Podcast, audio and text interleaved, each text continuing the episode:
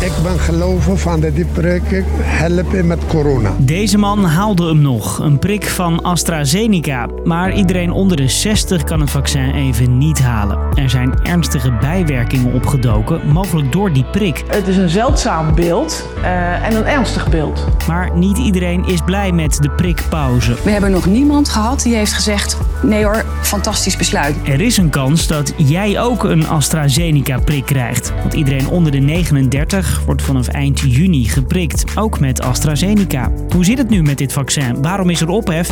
En wat zijn de risico's? Ik ben Marco en ik vertel je vandaag alles over de prikpauze. Lang verhaal kort. Een podcast van NOS op 3 en 3FM.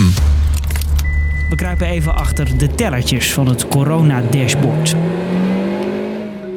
Sinds die eerste prik, vier maanden geleden. Ja, iemand moet de eerste zijn. Zijn er 2,8 miljoen mouwen opgestroopt voor een coronavaccin. Nederland prikt nu met drie vaccins. Die van Pfizer, Moderna en AstraZeneca. Die laatste is goed voor ongeveer 15% van de prikken.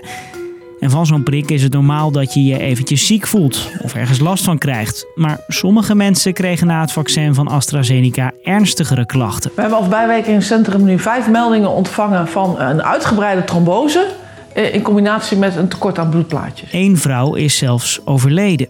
Vanwege al die zorgen heeft Nederland besloten om het prikken met AstraZeneca eventjes te pauzeren. Nederland stopt tijdelijk met het vaccineren van mensen onder de 60 met het vaccin. Europese medicijnexperts doen nu onderzoek en ze zeggen al: er is een verband tussen die klachten en de prik.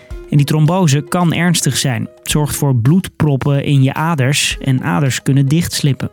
Het is de tweede keer dat er een prikpauze met AstraZeneca is. De GGD's zijn daarom even helemaal gestopt met AstraZeneca prikken. Ze vinden dat er te veel onduidelijkheid is. En om het nog onduidelijker te maken, sommige huisartsen prikken wel door. Mensen boven de 60 zijn welkom voor een vaccin. Ik heb natuurlijk in op teletext gelezen dat er wat problemen waren met, uh, met stolsels en dergelijke. Ja, ik ga ervan uit dat dat wel mee zal vallen, dus uh, ik heb verder niet zoveel vragen. Ik vertrouw op mijn huisarts. Als hij zegt dat is goed, dan maakt het mij niet uit. Het is maar een heel klein percentage dat mis kan gaan, toch? Er zijn dus zorgen over dat AstraZeneca-vaccin. Er kunnen bloedproppen ontstaan in zeldzame gevallen. Maar we prikken al sinds begin dit jaar. Is dit dan voor het eerst dat die zorgen er zijn? Nee.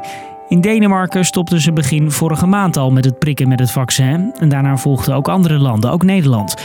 Wat vinden experts hier eigenlijk van? Nou, daarvoor gaan we even naar die vorige prikpauze, twee weken geleden. Toen klonk dit in de ziekenhuizen. Op basis van alleen de getallen uh, uh, zoals ze er nu zijn, had ik er nog twee keer over nagedacht. En eigenlijk vinden experts het nog steeds zwabberbeleid. Na de berichten over bijwerkingen weer stoppen, dat is niet goed, vindt deze trombose-expert. Wij zijn allemaal van mening dat dit niet verstandig is. Niet verstandig is omdat het een best overhaaste beslissing is. En niet verstandig is omdat wij ons met z'n allen ook zorgen maken dat dit de vaccinatiebereidheid raakt. Het is natuurlijk schrikken als juist jij degene bent die trombose krijgt door zo'n prik. Maar deze trombose-expert zegt de kans erop is veel te klein om op de pauzeknop te drukken. Om het in perspectief te plaatsen, stel doen een vliegreis van, uh, van uh, vier uur, dan is de kans dat je door deze vliegreis een trombose krijgt of een longembolie, is ongeveer 100 maal groter dan dat je hem door de, door de vaccinatie gaat krijgen. Op 400.000 prikken zijn vijf meldingen binnengekomen in ons land van trombose. Wereldwijd gaat het om tientallen mensen na miljoenen prikken. Dus zegt die expert: corona is gevaarlijker dan die vaccinatie zelf. Want één ding is zeker: het vaccin beschermt heel goed tegen ernstige complicaties. Maar dit gaat dus meer levens kosten dan dat het uh, ja, oplevert, om het zo maar te zeggen. Naarmate dus langer die, die, die vaccinaties worden uitgesteld, kost dat inderdaad direct aan corona-infecties en indirect, omdat de andere zorg nog steeds toch is afgeschaald, kost dat levens. Oké, experts zijn dus niet blij met de prikpauze. Landen moeten juist vaart maken met prikken, zeggen ze. Maar zijn wij dan de enige die stoppen? Nee, meerdere landen schaven hun vaccinatiebeleid bij. In Frankrijk, Duitsland en Spanje worden jongere mensen even niet met AstraZeneca geprikt. In Denemarken en Noorwegen vaccineren ze er nog steeds niet mee. Maar in Groot-Brittannië en Italië prikken ze gewoon door. Get your jab, get your second jab. Very, very important. Er zit dus nogal verschil in per land.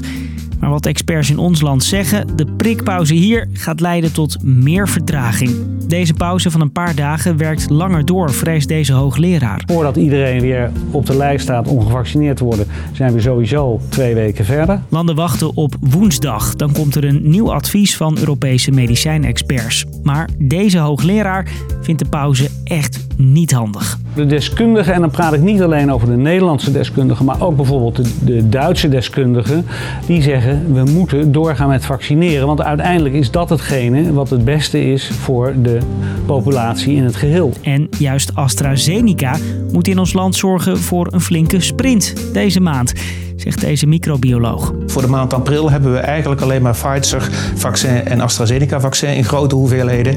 Dus die, die push die gegeven moet gaan worden in april, die is voor de helft afhankelijk van AstraZeneca. Dus lang verhaal kort. Na miljoenen AstraZeneca-prikken wereldwijd is er tientallen keren trombose opgedoken als bijwerking. Daarom last Nederland opnieuw een prikpauze in. In afwachting op nieuwe adviezen. Dat leidt tot kritiek. Experts vinden het schadelijk voor de vaccinatiebereidheid en zeggen dat de kans op trombose te klein is om op pauze te drukken. Tot zover deze lang verhaal kort. Dank voor het luisteren.